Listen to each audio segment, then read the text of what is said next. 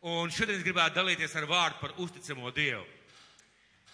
Eh, Kad mēs iedomājamies Jēzu Kristu, kad mēs iedomājamies Dievu, kas no viņa rakstura visvairāk jūs uzrunā?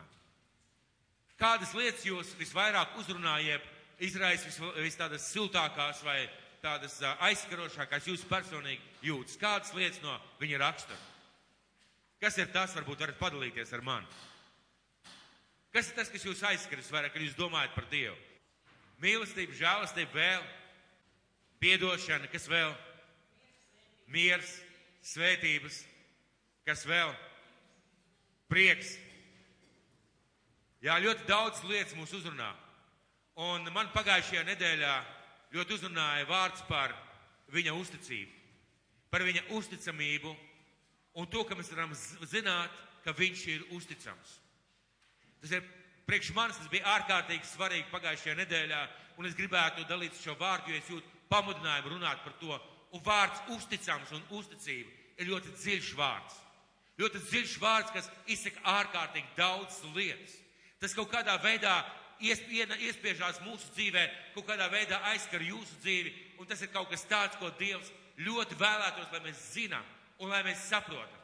Jo debesis un zeme var zust, viņa vārds nezudīs. Un viņš ir uzticams Dievs, kurš vēlās, lai mēs to ar tā arī zinātu. Mēs zinām, ka Dievs ir reāla garīga personība. Dievs ir reāla garīga personība, ko mēs saucam par savu tēvu debesīs, par savu radītāju. Citiem Dievam vairāk atklāsim par radīšanu, ko mēs saucam par savu Dievu, un Jēzu Kristu mēs saucam par savu glābēju. Tāpēc, ka viņš ir atnācis, mācījis, nomiris Golgāts krustā, augšām cēlies un caur viņu. Viņš ir kā durvis, pa kurām mēs ieejam pie mūsu debes tēva, un mēs saucam Jēzu par savu glābēju, par savu kungu. Bet kāds ir šis Dievs? Kāds ir šis Dievs, kuram mēs kalpojam? Kāds ir šis Dievs, kuru mēs saucam par radītāju? Kāds ir šis Dievs, ko mēs saucam par savu tēvu, par savu glābēju, par savu kungu? Un uh, pa īstam mēs spējam iepazīt Dievu tikai tad, kad mēs esam kopā ar viņu. Jo bieži vien vārdi Dievs ir uzticams, Dievs ir labs, Dievs ir mīlošs, Dievs ir piedodošs. Šie vārdi atdzīvojās. Atdzīvojas mūsu dzīvē, kad mēs sākam dzīvot ar Dievu, kad mēs nonākam reālā, konkrētā situācijā. Kad mēs nonākam situācijā, kad mums ir ārkārtīgi svarīgi dzirdēt no Dieva šos vārdus un saņemt šo atklāsmu un saprast, kāda tas īstenībā ir. Un tad vairs tie nav tikai vārdi. Un eh, tieši pieredze atklāja un piepilda ar jēgu tos vārdus, ko mēs reizēm domājam par Dievu. Ja mēs runājam par žēlastību, mēs domājam vienmēr žēlastību, bet kas ir žēlastība? Tas nozīmē, es nebiju neko pelnījis. Es nebiju pārāk labs, ļoti labs, ļoti brīnišķīgs. Es nebiju tas, kas atrada Dievu, Dievs atrada mani. Un pateicoties viņa žēlastībai, es šodien varu būt Dieva bērns un ar drošību skatīties nākotnē. Kad mēs domājam par piedošanu, vārds piedošana ne- tev neko daudz nenozīmē līdz tam mirklim, kad tu saproti, ka tu esi kārtīgi sagrēkojies. Kad tu esi tā pa nopietnam iebrauc lielās nepatikšanās. Un vienīgais, ko tu vari pateikt, Dievs, ja tu man vari piedot, lūdzu piedod. Un kad tu sajūti savā sirdī šo piedošanu, kad tu redz tos rezultātus, kas ir tavai grēku nožēlai, tu saproti, Dievs tev ir piedevis. Un tad tie vairs nav vārdi. Tad tie vairs nav vārdi, bet tā ir tava dzīve, tava pieredze, tas, kas tu esi un kā tu jūti se- sevi kopā ar Dievu.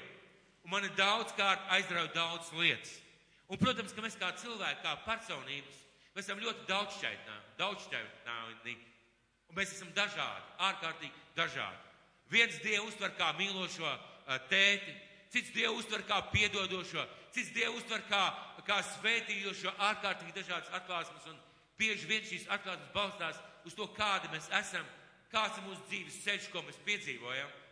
Man personīgi Dievs ļoti daudzkārt ir runājis par mērķtiecību, par mērķtiecību, par spēku, par piedošanu, par mieru, par gudrību, par zināšanām. Ļoti iespējams, ka esmu tāds cilvēks. Varbūt tas ir mans aicinājums mācīt Dievu par šīm lietām.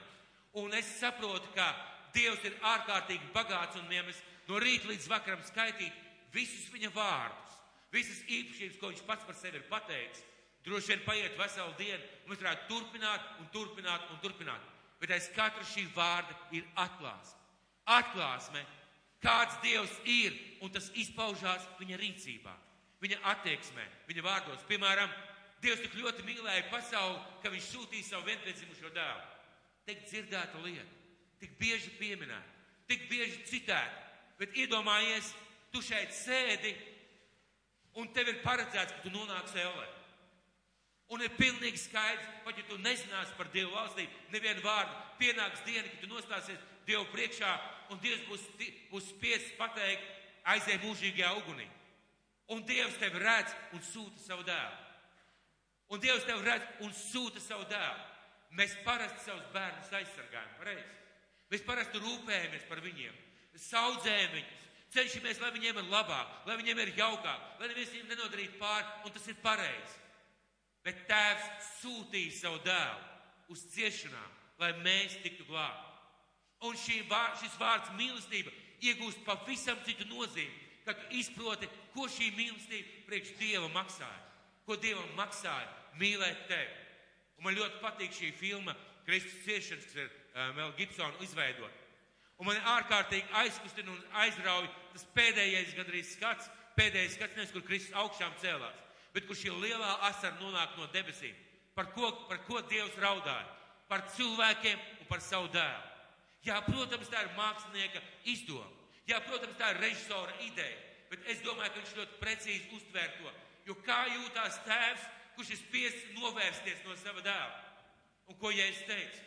Mans tēvs, mans tēvs, kāpēc tu mani esi atstājis? Tas nozīmē, ka tēvs, lai mūsu grēki būtu izpirkti līdz galam, viņš bija spiests novērsties no sava dēla. Atstāt pilnīgā tumsā un pilnīgā vientulībā, lai viņš samaksātu par mūsu grēkiem. Jā, un, protams, pēc tam bija augšām celšanās un mūžīgā dzīvība, ko viņš mums pasludināja. Bet vārds, ko Dievs saka par sevi, Viņš iegūst īsto jēgu un īsto garšu tikai tad, kad mēs to esam pagaršojuši, kad mēs esam izjutuši, kad mēs esam sapratuši, cik tas ir reāls un dzīves un vajadzīgs katram no mums. Un uh, es šodien gribētu runāt par to, ka Dievs ir bijis uzticams. Un kad es skatos atpakaļ savā dzīvē, cik daudzas reizes, es zinu arī tev un man, mums visiem, ir bijuši jautājumi un situācijas, ka liekas, nu nav vairs ceļa tālāk. Nu tu pat nezini, kur iet tu pat nezini, ko darīt, un Dievs tevi izved. Un vienīgais, ko tu pateikt, debes tēvs, apžēlojas par mani. Dievs palīdz man, un Dievs tevi un man ir izvedis. Un tā ir Dieva uzticamība. Un mēs ļoti bieži vērtējam cilvēkus pēc sevis. Mēs ļoti bieži vērtējam Dievu pēc sevis. Mēs skatāmies uz cilvēkiem un domājam, salīdzinot viņus ar sevi. Un ir tāds vecs latviešu teiciens, ka mums nepatīk citos tas, kas mums nepatīk pašam sevi. Ir tāds teiciens, un laikam tā ir patiesība. Un mēs bieži vērtējam arī Dievu, uh, asociējot viņu ar sevi. Mēs domājam bieži vien par Dievu tā, kā mēs domājam par sevi, tā kā mēs domājam par cilvēkiem, un mēs parasti domājam par, par cilvēkiem slikti. Mēs cenšamies domāt labi, un paldies Dievam par to. Dievs mūs māca.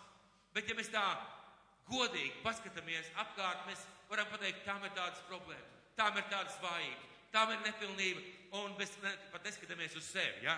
Jo, ja mums būtu jāizvēlās, uh, ja mums būtu jāizvēlās kāds par, nezinu, par savu bērnu, vai par skolotāju, vai par sekotāju, vai par kādu citu cilvēku, droši vien, ka mēs sevi neizvēlētos pareizi. Mēs izvēlētos varbūt kādu citu, bet tikai ne sevi. Un mēs vērtējam bieži vien Dievu, kā mēs redzam pašu sevi. Un šis vārds, ka Dievs ir ļoti uzticams, ir ārkārtīgi ietilpīgs. Dievs nav tāds kā cilvēks.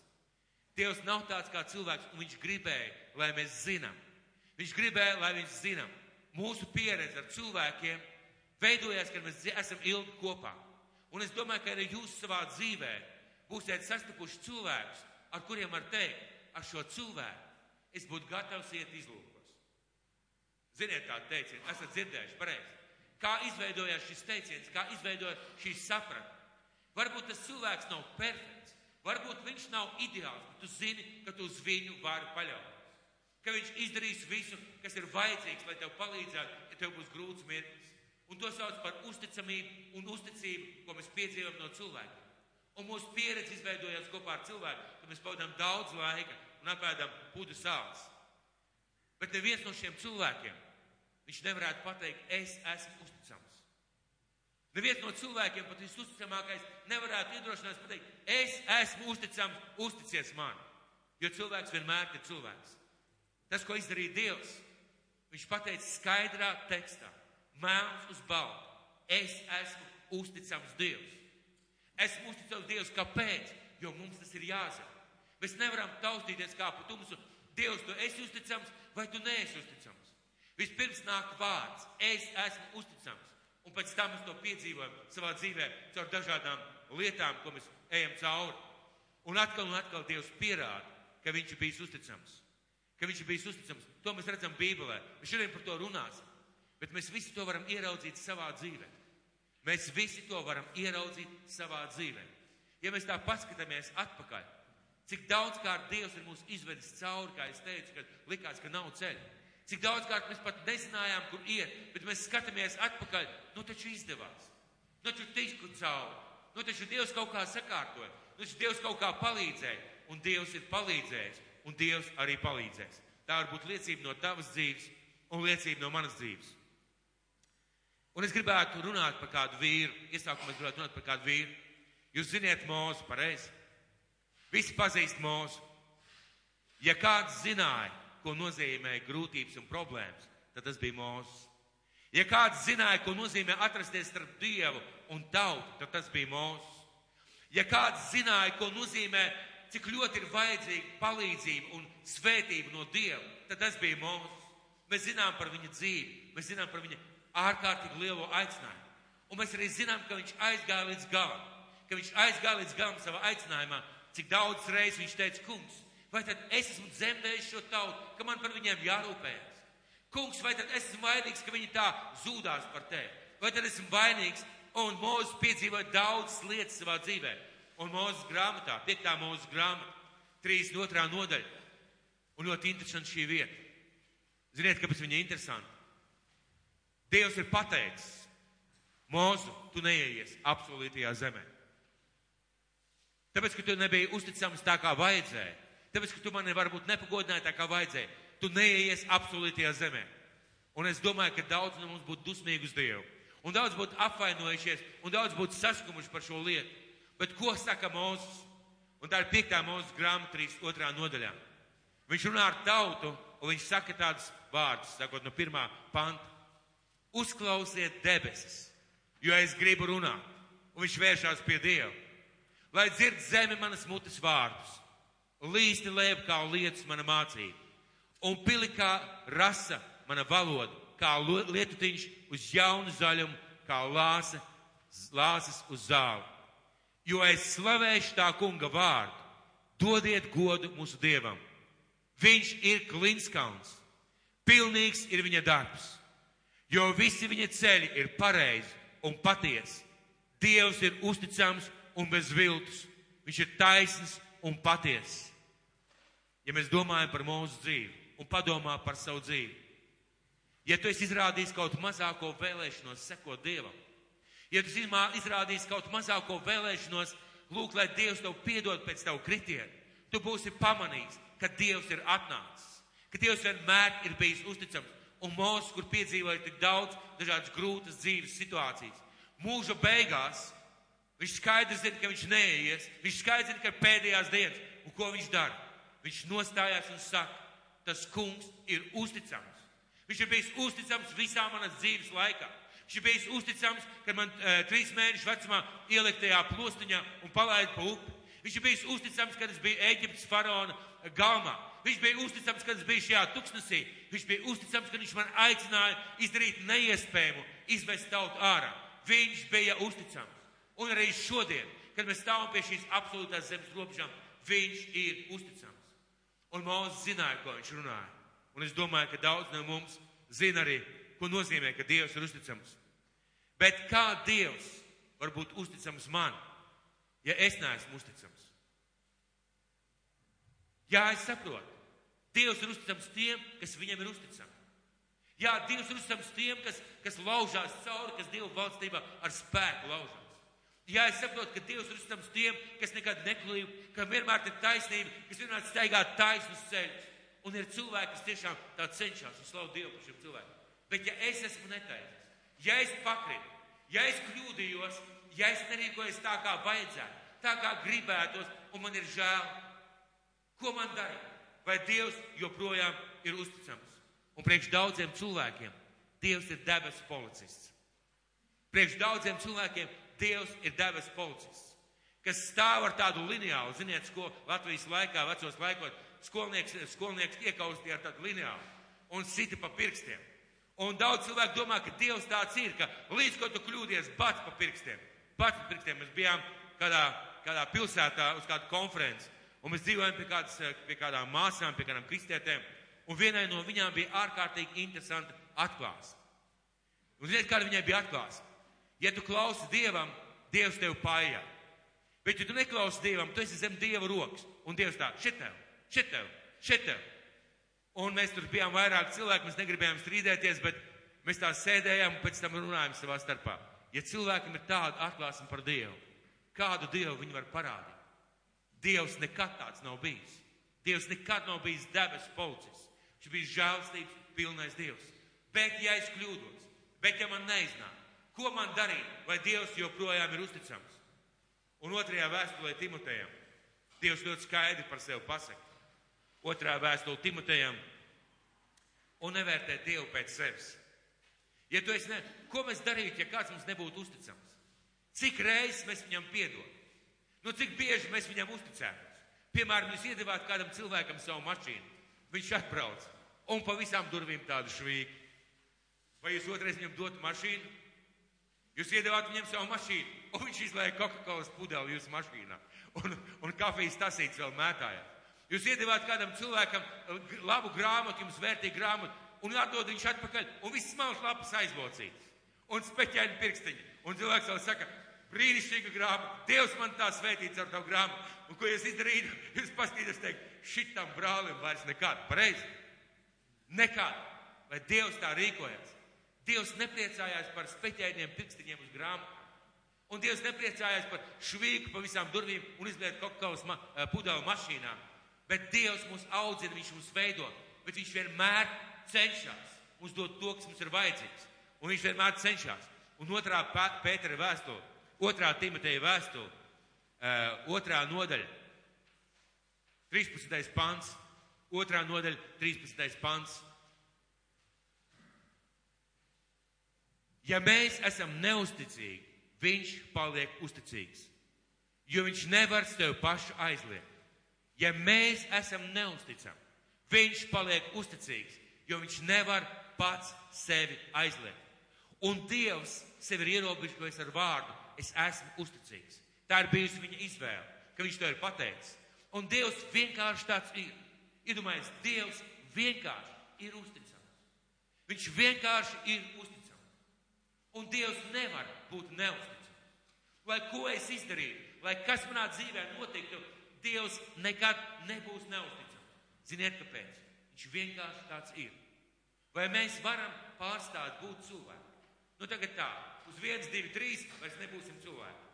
Trīs, četri, viens, divi, trīs. Un šeit vairs nav neviena cilvēka. Tikai tukši krēsli. Nav iespējams, pareizi. Vai suns var kādā mirklī nebūt suns? Vai pelīts kādā mirklī var nebūt pelīts? Nevar, pareizi. Un Dievs saka, es esmu uzticams. Jūs tur vispār neesat nekādā sakarā.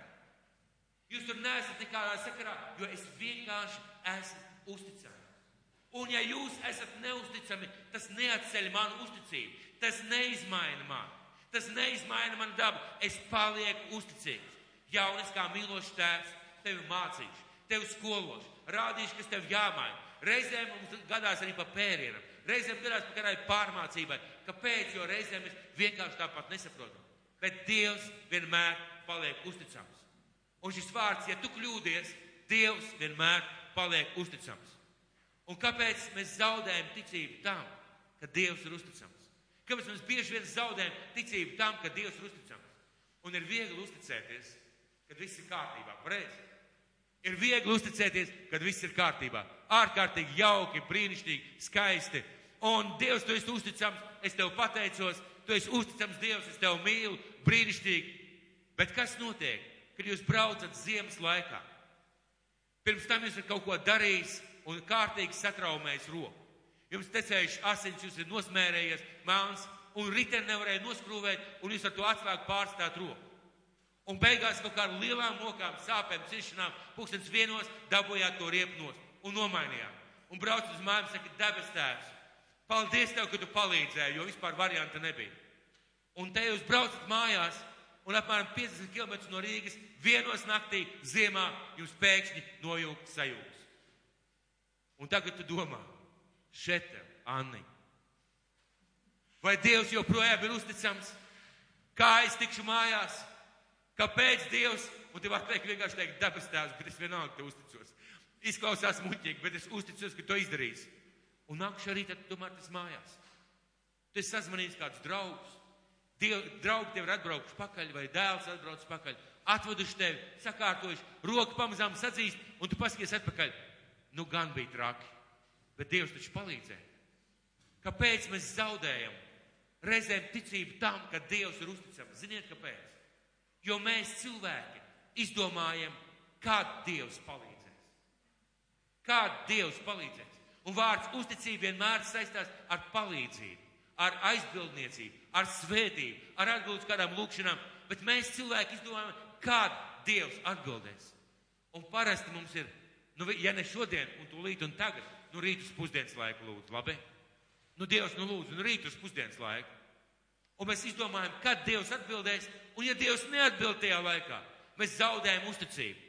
Un ko Bībele saka? Bībele saka, nemetieties lūgt. Nemetieties klauvēt, nemetieties prasīt, jo liela ir tā auga, kas nāk līdz jūsu uzticībai. Dievs māca šīs lietas.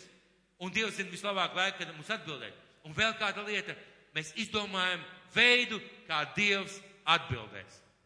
Vai jums kādreiz ir gadījies izdomāt un saprast, kā Dievs atbildēs?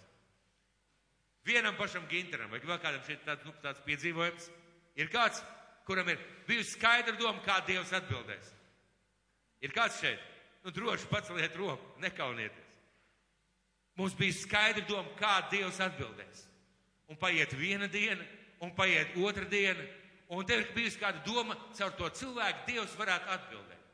Un tu kaut kā runā ar to cilvēku, un tas cilvēks izliekās beigas. Viņš vienkārši nereģē. Un tu domā, Dievs, nu, bet man taču bija skaidra doma, ka tā varētu notikt.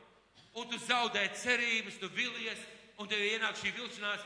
Dievs, kāpēc mēs uzticam Dāvidam, kurš bija brīnišķīgs Dieva vīrs? Dāvidam, kurš bija brīnišķīgs Dieva kalps, viņš bija arī emocionāls cilvēks. Un viņam bieži vien šī bija problēma. Vai esat lasījuši? Un no psalmiem nevar taisīt e, šo te teoloģiju pilnīgi no visiem. Ir vietas, kur var taisīt, un vietas, kur nevar. Un iedomājieties, Dāvids saka, Dievs, kur tu esi pazudis? Kāpēc tevis nav? Kur tu esi palicis? Kāpēc tu mani esi atstājis? Dievs, kāpēc tu mani esi atstājis? Vai Dievs bija atstājis viņu kaut vienu mirkli? Paskatieties uz Dāvida dzīvi. 13 vai 14 gadus pa alām, pa tūkstošiem, pa, pa, pa, pa plaisām, pa aizām. 14 gadus cīņas, lai izdzīvotu. Pēc tam viņš kļūst par tautas vadoni, par ķēniņu un nepārtraukts kaujas, nepārtraukt ienaidnieku. Bet ziniet, kā beidz Dāvids? Ar uzvaru. Jo Dievs bija uzticams. Un tas, ko Dievs bija teicis, piepildījās Dāvidas dzīvē. Piepildījās Dāvidas dzīvē. Bet Dāvids bieži saka, Dievs, kur tu esi palicis? Kur tu esi pazudis? Vai mums tā nav bijis? Viena iemesla dēļ. Mēs izdomājām, kad Dievs atbildēs, un izdomājām, kādā veidā atbildēs. Bet labā ziņa ir tā, labā ziņa ir tā, ka Dievs zina, kad atbildēt, un zina, kādā veidā. Man pašam personīgi, un es domāju, ka jums būs tāda piedzīvojuma, kad Dievs atbild pēc kāda ilga laika, pilnīgi ne tā, kā es biju domājis. Es gan arī varu teikt tā, pārmest trīs krustus un pateikt, paldies Tev, Dievs, ka tieši tā notika. Paldies Tev, Dievs, ka tieši tā notika. Un Dievs ir atbildējis šo lūkšanu, atbildējis šo vajadzību. Es zinu, ka daudziem tādu piedzīvojumu, daudziem tādas lietas. Un pēdējā liecība tas par, par, par, par, par, par automašīnu. Par mašīnu, ar kuru, paldies Dievam, mēs tagad varam braukt. Gadu atpakaļ mana mašīna pamazām strauji iet uz beigām. Es jau ar tādām aizdomām sēžos viņā iekšā.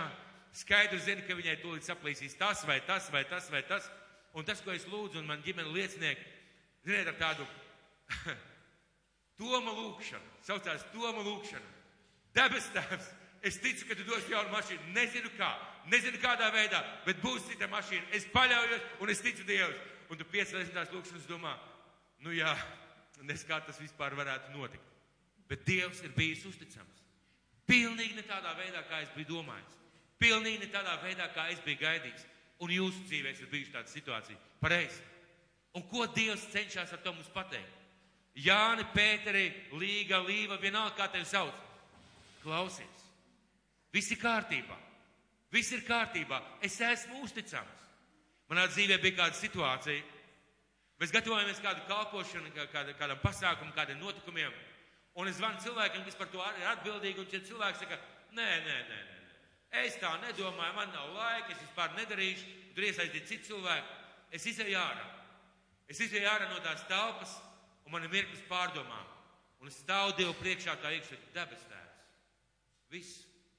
Man nav padomu. Man vienkārši vairs nav padomu. Es nezinu, kā rīkoties. Un pēkšņi telefons zvans. Un tu tāds saskāpis paņem to telefonu, un pēkšņi zvana viena māsa, saka, ziniet, mācītāji, es gribēju kādam piezvanīt, un es kāpēc es atradu jūsu telefonu. Un es sapratu, ka man jums ir jāpiezvan. Un viņa pasaka man atklāsmi, kas man palīdzēja nu, riktīgi nostāties uz kājām. Cik ziniet, es redzēju Dievu karaspēku. Un Dieva karaspēks nāca tādā noteiktā, stingrā solī.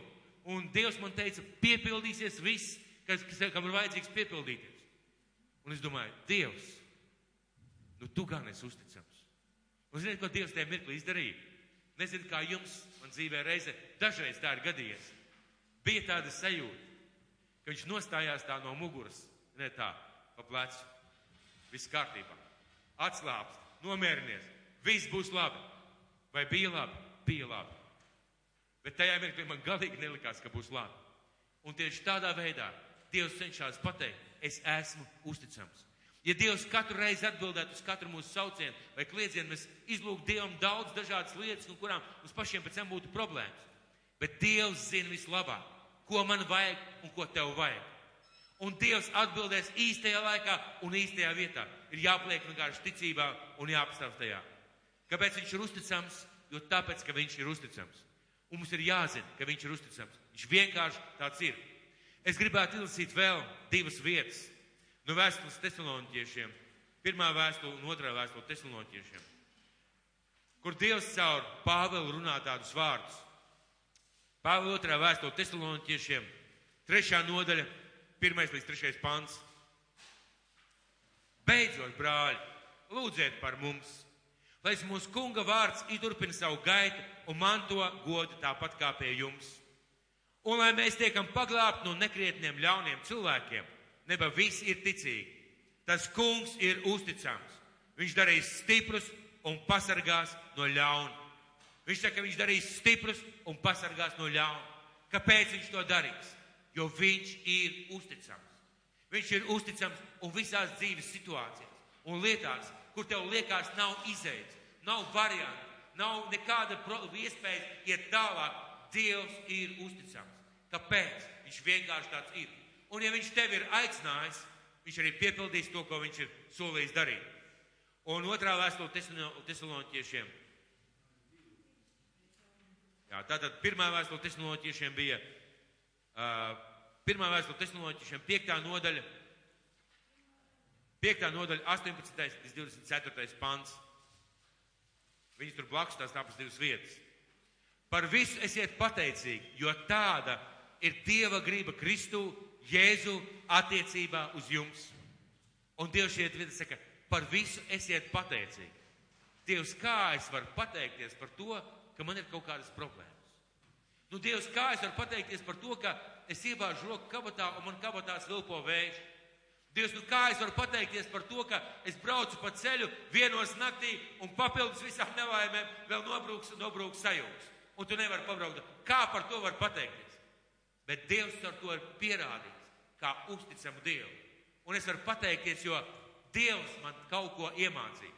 Un ziniet, vīriešiem un arī sievietēm, kuras brauc ar mašīnām, mašīna ir kārtīgs mācību grāmata, kārtīga mācību grāmata. Esat par to padomājuši? Kārtīga mācību grāmata. Un ja tu nepadodies, un ja tu uzticies Dievam, Dievs palīdzēs tev atrisināt pilnīgi neiespējamas situācijas. Un Dievs caur mašīnu māca. Es kādu reizi, kad man vēl bija žiguls, uh, viņš nepārtraukti lūza, bet pēdējā gada viņam viņš nepārtraukti lūza. Un es sēdos bieži vien viņa, mašīnā, viņa, viņā iekšā ar tādu domu, debes tēvs, man varētu iedot jaunu mašīnu. Nu šitā visu laiku lūst. Nu šausmīgi negribās visu laiku krāmēties. Bet Dievs mani mācīja. Un katru reizi, kad kaut kas notika, līdz tādām absurdām lietām, ka pat siksna pārplīst uz ceļa, un liekas, tu tālāk vispār nevar aizbraukt, Dievs kaut kā visu to pakārto. Un ziniet, ko Dievs iemācīja? Dievs iemācīja uzticēties un darīt. Uzticēties un darīt. Jo bieži vien Dieva uzticība nāk kopā ar tavu darīšanu. Jo, piemēram, cik tu vari būt pārliecināts, ka kāds pacels naktī telefonu, ka tu zvani kādam, lai viņš atbrauc tev pakaļ. Nu, cik tu vari būt pārliecināts? Cik tu vari būt pārliecināts, ka tev izdosies uzlikt to siksnu atpakaļ un viss būs kārtībā tā kā vajadzēja, jo tev īsti instrumenti nav. Cik, būs, cik tu vari būt pārliecināts, ka tu pieies pie mašīnas, paraustīs kaut kādus vadiņus, pakustinās kaut kādus kontaktus un tas viss aiziet. Cik var būt tavu pārliecība? Nulle, bieži vien nulle. Bet ja tu kaut ko, ja tu uzticies Dievam un ja tu dari, Dievs ir uzticams un viņš vienmēr izved mūs cauri. Un šī vieta runā tieši par to pašu, par visu pateicīgi, jo tāda ir Dieva griba Kristu Jēzu. Un 24. pants, jūsu aicinātājs ir uzticams, viņš būs arī darītājs. Un tulkojumā viņš būs arī darītājs, e, nozīmē, viņš izdarīs to, ko viņš ir apsolījis. Viņš ir uzticams un viņš izdarīs to, ko viņš ir apsolījis. Viņa vārds piepildīsies, un viņš ir teicis, ka viņš tev palīdzēs, ka viņš ir uzticams. Tas nozīmē, ka viņš ir uzticams. Bet ja tomēr es esmu neusticams, nu tomēr, jā, es biju neusticams, es pateicu kādam nepareizu vārdu, es tur varbūt neziedoju desmito tiesu, es tur būtu vēl kaut ko izdarītu tādu neīstu labu, nu man tā sirds viņa apsūta, nu labi, es saprotu, Dievs man var piedot. Bet ja esmu iebraucis kārtīgās auzās, kā tautā saka, ja es riktīgi sagrēkoju, vienkārši ir grēks manā dzīvē. Vai Dievs joprojām man uzticams? Vai Dievs joprojām man mīl? Vai Dievs joprojām kaut kādā veidā grib man palīdzēt un ir man uzticams? Vai viņš jau ir devies projām? Vai viņš jau ir devies projām? Un daudziem cilvēkiem, diemžēl, ir tāds priekšstats. Un pirmajā Jāņa vēstulē, pirmā Jāņa vēstule, no 1 līdz 9 pantam, pirmā Jāņa vēstule no Pirmā nodaļa, devītais pants, es atvainojos. Pirmā Jāņa vēstule, pirmā nodaļa, devītais pants. Ja atzīstamies savos grēkos, tad viņš ir uzticīgs un taisns, ka viņš mums piedod grēkus un šķīsta mūs no visas netaisnības. Un Dievs šeit saka, redzi, ja tu esi iebraucis kārtīgā grāvī, ja tu saproti, ka tu esi sagrēkojies, tad vienkārši nestaigā ar sliktu sajūtu vai pašsajūtu vai pašapziņu, ka diez vai Dievs man tagad palīdzēs. Un tagad es taisos kāpt mašīnā kaut kur braukt vai kaut ko darīt vai iet uz darbu un noteikti Dievs man par to sodīs. Dievs saka, nestaigā tādā sajūtā. Saka, ja mēs atzīstamies savos grēkos, ko Dievs šajā vietā vēlās pateikt? Tev ir iespēja teikt, debes tēvs, es atzīstos, es esmu grēkojis. Es atzīstos, es esmu grēkojis. Man ir ļoti žēl, ka es tādā veidā esmu rīkojies. Lūdzu, piedod man trīs lietas. Es atzīstos, es nožēloju, un es lūdzu, piedod man. Un tad es uzticos, ka Dievs man ir piedevis. Jo šajā vietā teiks, ja atzīstamies savos grēkos, tad viņš ir uzticīgs un taisnīgs, ka viņš mums piedod grēkus un šķīsta mūs no visas netaisnības. Cik reizes ir jāpasaka piedod? Kad tu esi kārtīgi sagrēkojies, cik reizes jāpasaka piedod? Septiņas reizes. Septiņdesmit reizes, septiņas reizes. Un daži tā dzīvo. Debes tēvs piedod, piedod, piedod. Kungs piedod, es saprotu, ka esmu nožēlojis. Es saprotu, ka esmu mīlošs, bet debes tēvs piedod, piedod, piedod, piedod. Es sajūtu, ka viņš man piedeva vai nepiedeva. Nē, nav vēl sajūta. Vēl vajag palūgt Dievam piedošanu. Un 77 reizes par to. Un, ziniet, vēlams tādā veidā rīkojas. Ziniet, kā šī vieta saka? Šī vieta saka, ja es saku Dievs, un ja es saku ar savu saprātu, ar savu sirdi, ar savu dvēseli, debes tēvs, es saprotu, ka esmu grēkojis. Man ir ļoti žēl, ka es tā rīkojos. Kungs, lūdzu, piedod. Momentā. Ja tu esi teicis no sirds, momentā viņš tev piedod. Problēma ir tā, ka reizēm paliek seks. Reizēm paliek vai kaut ko iztrēpt, un man patika kāda brāļa atklās. Mēs gatavojamies ūdens kristībām, mācījām viņus un gāja par atgriešanos no grēkiem. Un mēs runājam par tādām lietām, kā atgriezties no grēkiem, ko tas nozīmē. Un pēkšņi viņam rodās jautājums, bet ja es kaut ko esmu nepareizi darījis kādiem cilvēkiem, vai man vajadzētu viņiem kaut kā atlīdzināt? Es saku, nu, bet, protams, to arī nozīmē atgriezties no grēkiem. Nožēlo grēks un atlīdziniet to varu. À.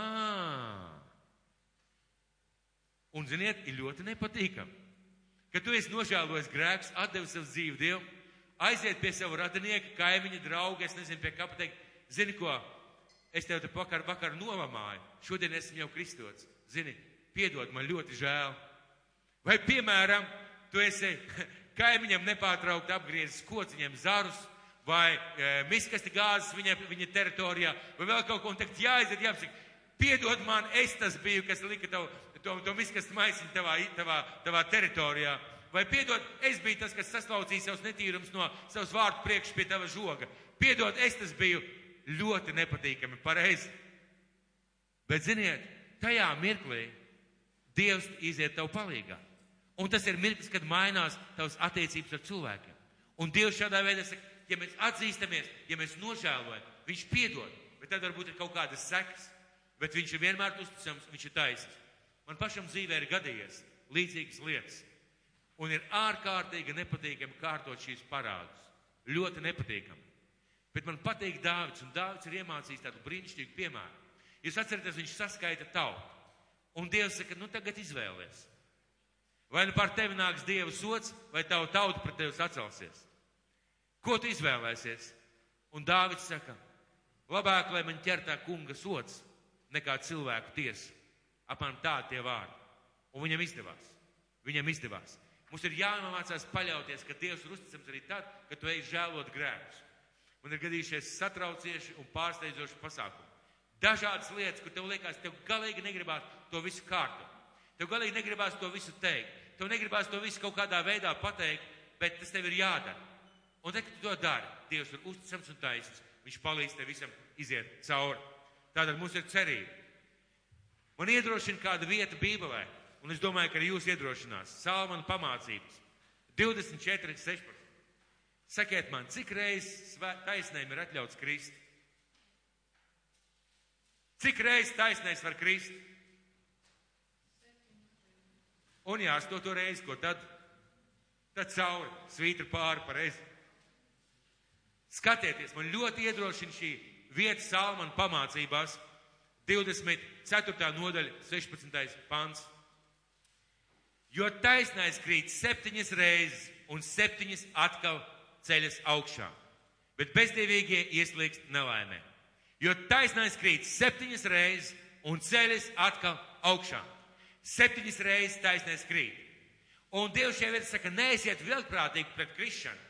Tas nav tā, ka viņš saka, nu tā viltprātīgi kritīsi, nekritīsi, nav starpība, es tev piedošu. Viņš par to nerunā, viņš runā, ka taisnais krīt septiņas reizes, un viņš iedrošina, ja tu kritīsi septiņas reizes, tu varēsi celties augšā. Kāpēc?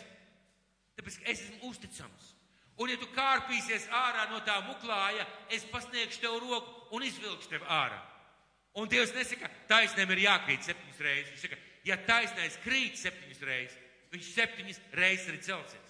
Kāpēc? Tas man dod drošību. Jo, ziniet, ja Dievs ir uzticams, un ja es septiņas reizes esmu kritis un liekas, nav vairs variantu, Dievs saka, ja tu turpināsi celties augšā, es tevi izvilkšu, un tu tiksi uz kājām. Un tā ir ticīga cilvēka privilēģija, ka ticīgs cilvēks vienmēr var piecelties kājās. Ko darītu mēs, ja kāds mums klāt blakus esot septiņas reizes Kristu un Kristu attiecībā par tevi? Vienreiz krīt, otrreiz krīt, trešo reizi krīt, ceturto reizi, piekto reizi, sesto reizi, septīto reizi. Nu, klausies, cik var. Tiec tu pats galā, pareizi? Vai kāds tā rīkotos šeit?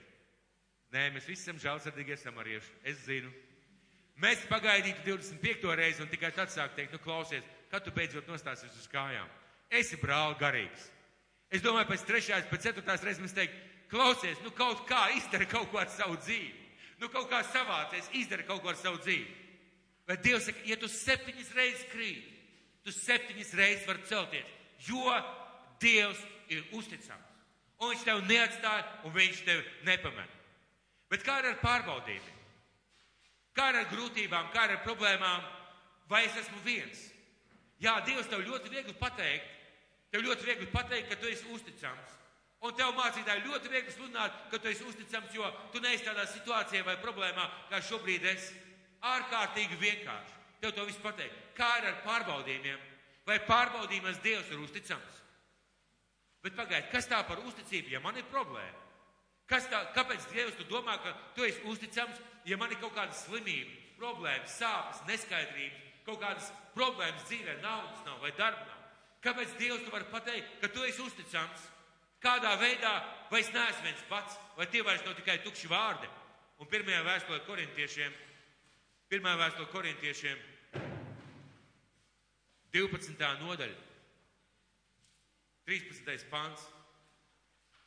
Pirmā vēstule korintiešiem, 12. nodaļa, 10. es atvainojos, 10. nodaļa, 12. 13. pants.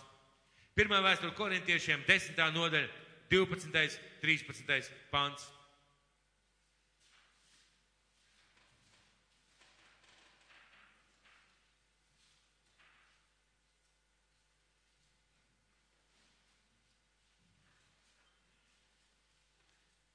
Tādēļ, ka šķiet stāvam, lai pielūko, ka nekrīt. Jūs piemeklējat vēl tikai cilvēcīgs pārbaudījums. Dievs ir uzticīgs. Viņš neļaus jūs pārbaudīt pāri pār jūsu spēkiem, bet arī pārbaudījumiem tādu galu, ka varat panest. Un Dievs saka šeit, es esmu uzticams arī jūsu pārbaudījumus un grūtajās situācijās. Un ko Dievs patiesībā ar pārbaudījumiem dara? Vai ir tā, ka Dievs ar prieku noskatās, kā viņa bērns mokās, slimo vai caur kādām problēmām? Vai Dievs ar tādu prieku vai ar tādām skumjām noskatās un, ziniet, es kādreiz ar dievkalpojumus minējis, ir kāds dzējos no latviešu klasiķiem, kad uh, bagāts vīrs redz nabaga sērdienīti un bārnīti, kas lūdz maizi. Viņš bāž roku kabatā un izvēl kabatas laktiņu un noslauk asaras par to nabaga bārnīti. Nevis iedod naudu vai maizīt. Dievs nekad tāds nav bijis. Es saprotu vienu lietu, ka Dievs caur pārbaudījumiem, caur grūtām lietām, Viņš mūs māca. Jo Viņš grib redzēt mūs kā zelta kausē, stiprus, drošus, pārliecinātus, svaidīgus, spēcīgus. Un lai kā tas jocīgi neliktos, tieši grūtības mūs izveido par tādiem cilvēkiem. Tieši pārbaudījumi mums palīdz iepazīt Dievu kā uzticamo Dievu. Jo apkārt ir simtiem cilvēkam ir vajadzīgs padoms, palīdzība. Un tikai tad, kad tu pats esi kaut kam izgājis cauri, tu spēj pateikt tam cilvēkam, uzticies Dievam. Viņš mani izved, viņš tevi izvedīs. Un tas veido mūsu raksturu, veido mūsu attieksmi, veido mūsu lietas. Un kā es saprotu, tad Dievs pieļauj mūsu dzīvē grūtības, tāpēc ir ciešanas Kristus dēļ, ir ciešanas Kristus dēļ, un bija un būs šajā pasaulē. Un tajā pašā laikā viņš kaut ko veido mūsu dzīvē. Bija kāds mirklis manā dzīvē, kāda situācija, kad man bija daudz jautājumu Dievam, daudz jautājumu Dievam, un es biju pilnīgā neskaidrībā, kāpēc tā notiek. Un es lasīju Bībeli, un es parasti tā nedaru. Bet tajā reizē es atšķiru vaļā vienkārši Bībeli un lasu. Un man, man uzmanība piesaista vārdu. Es Dievs tavs kungs. Es Dievs tavs kungs. Vedu tevi pa tiem ceļiem, pa kuriem tev ir jāstaigā. Un mācu tev tās lietas, kuras tev ir jāiemācās. Un tas bija kā atbilde uz maniem visiem jautājumiem, kāpēc es pēkšņi sapratu ka viss tas, kas notiek manā dzīvē, lai es kaut ko iemācītos. Un, lai es kaut ko iemācītos, man jāiet pa tiem ceļiem, pa kuriem Dievs man ved. Un man jāiemācās tās lietas, ko es iemācījos. Un man bija jāiemācās daudz kas. Un arī mums katram jāiemācās daudz kas. Tāpēc pārbaudījumos Dievs ir klāt. Viņš ir klāt etos, viņš tev nekad neatstās. Un svarīgi ir aiziet līdz galam. Svarīgi ir aiziet līdz galam. Neizlikt ārā no tā kuģa vai vilciena, kurā Dievs tevi ved. Svarīgi ir aiziet līdz galam. Un tieši tad, ja mēs aiziem līdz galam, Dieva godība, Dieva uzticība arī parādās, un mēs viņu ieraugam. Ja mēs izlicam ārā, mēs bieži vien zaudējam, un Dievs spies vest mūs atkal caur kaut kādām lietām. Tātad Dievs ir uzticams. Vai jūs atceraties Pēteru, apustulu Pēteru? Visa pasaule zina, ka Pēters noliedz Kristu.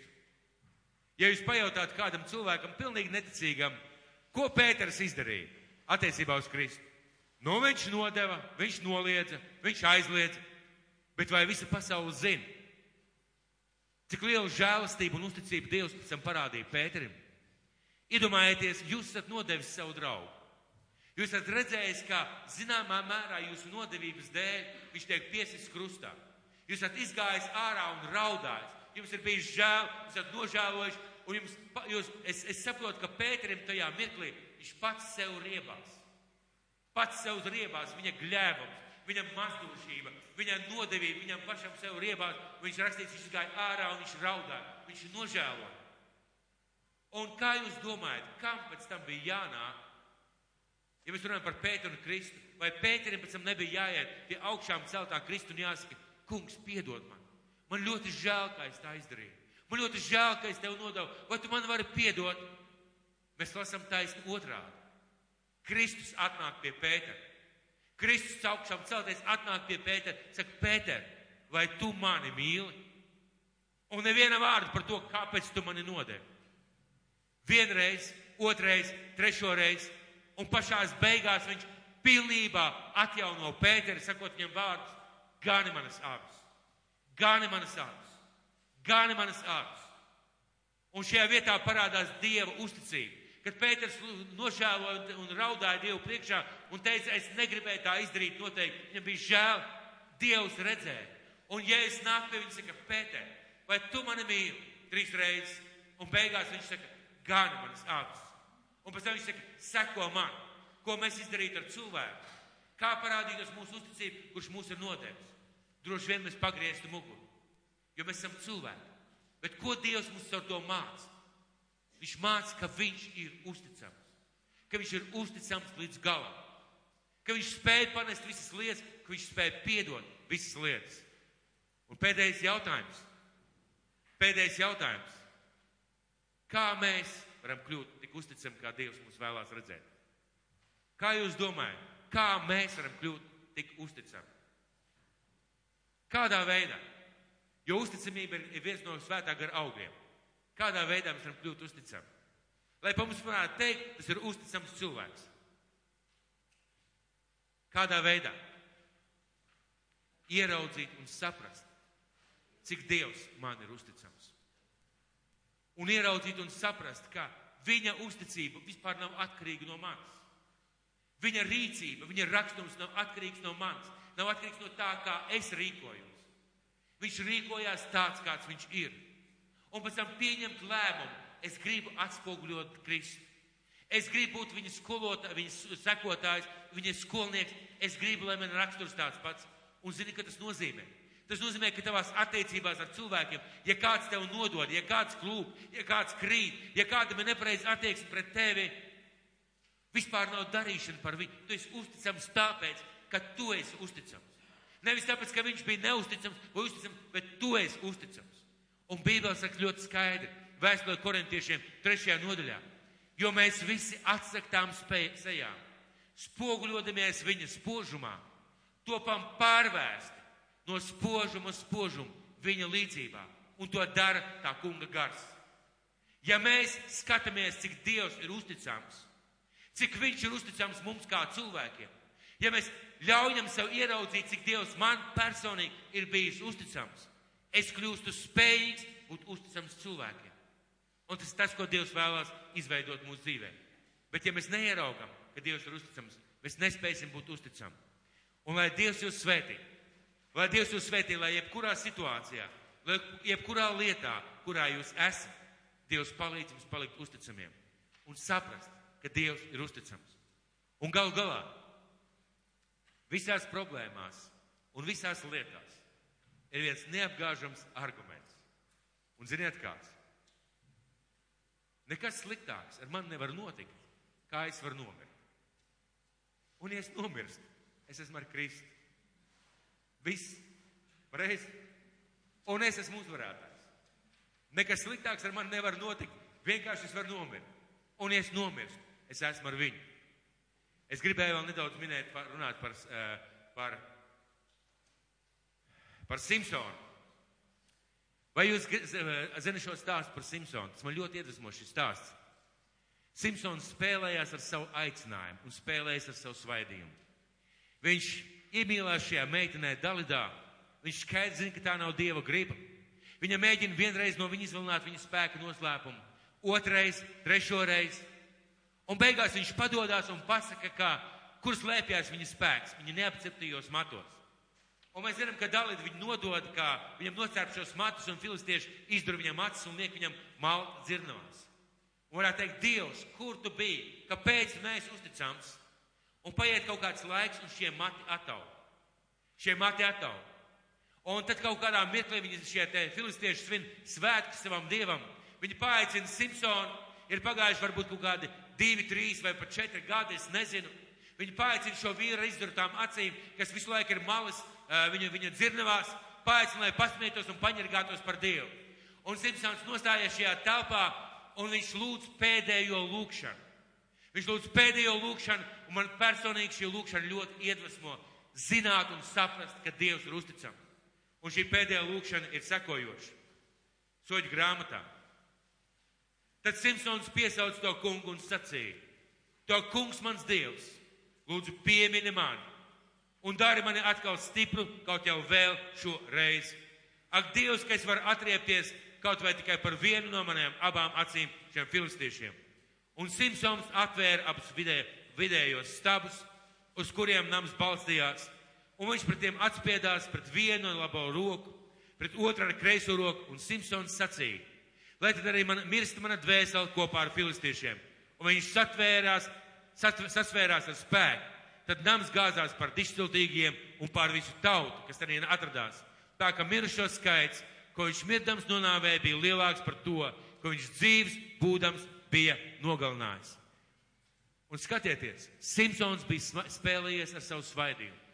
Viņš bija spēlējies ar savu aicinājumu. Viņš bija spēlējies ar savu dāvanu Dievu priekšā. Viņš bija nonicinājis to, kas viņam bija dots vienkārši sievietes dēļ un vienkārši varbūt savas izlaidības dēļ. Bet pienāk mirklis, kad viņam ir vajadzīga Dieva uzticība. Vajadzīgi, lai Dievs ir uzticams. Un viņš ir sapratis savu kļūdu. Viņš nožēlo. Un šajā pēdējā mirklī viņš saka, Dievs, vēl šo reizi. Un viņš aiziet, un mēs viņu pieminam kā varoni. Bībele viņu ataino kā varoni. Kāpēc?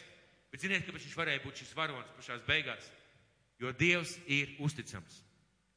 Un mums visiem ir jāsaprot, ka, lai ko mēs arī neizdarītu, lai kādas lietas mums ir nenostrādātu, Dievs vienmēr ir bija un paliks uzticams. Un ja mēs nākam atpakaļ pie viņa un sakam, Dievs piedod manu rīcību, Dievs piedod, kur es kļūdījos, Dievs vienmēr piedos. Vai tas tev iedrošina? Vai tas mūs iedrošina? Tas mūs iedrošina. Ziniet, kāpēc? Jo nav vietas virs zemes, kur Dieva nav. Nav vietas virs zemes, kur nesniedzās Dieva roka. Un nav situāciju un apstākļu, kurus Dievs nevarētu atrisināt. Lai Dievs tev svētī, ka tu saproti, ka tu stāvis tā, ka Dievs ir uzticams. Un tad, kad tev vēlns melo un apstākļi saka, zini ko, tev nekas vairs neizdosies, ar tevi ir cauri. Svītra pāri vai tavai dzīvei, vai tavam finansēm, vai tavam darbam, vai tavam veselībai. Zini, Dievs ir uzticams. Un lai Dievs tev svētī ar šo atklāsmu. Un lai Dievs tev svētī ar šo atklāsmu. Es zinu, ka cilvēkiem šeit ir veselības problēma. Un es zinu, ka šeit ir cilvēki, kuriem ir problēmas ģimenē. Es zinu, ka šeit ir cilvēki, kuriem ir problēmas ar finansēm. Un es zinu, ka šeit ir cilvēki, kuriem ir problēmas ar savu dzīvi, ar dzīves lietām, kuras jākārto. Es zinu, ka cilvēkiem ir problēmas. Un tikai viens vārds - Dievs ir uzticams. Uzticams ir tas, kas jūs aicinājis. Viņš būs arī darītājs. Šis viens vārds, viņš var mainīt man skatījumu uz to situāciju, kurā es esmu. Vai tu tici, ka Dievs ir kopā ar tevi? Vai tu tici visās tavās problēmās? Un ja tev vienos naktī nojūg mašīna ziemā un uz ceļa, vai Dievs tev palīdzēs? Un ja tev vairs nav naudas, vai Dievs tev palīdzēs? Un ja tev liekas, ka cauri ir ar tevi, tu tūlīt mirsi, vai Dievs tev palīdzēs? Dievs tev palīdzēs. jo viņš ir uzticams.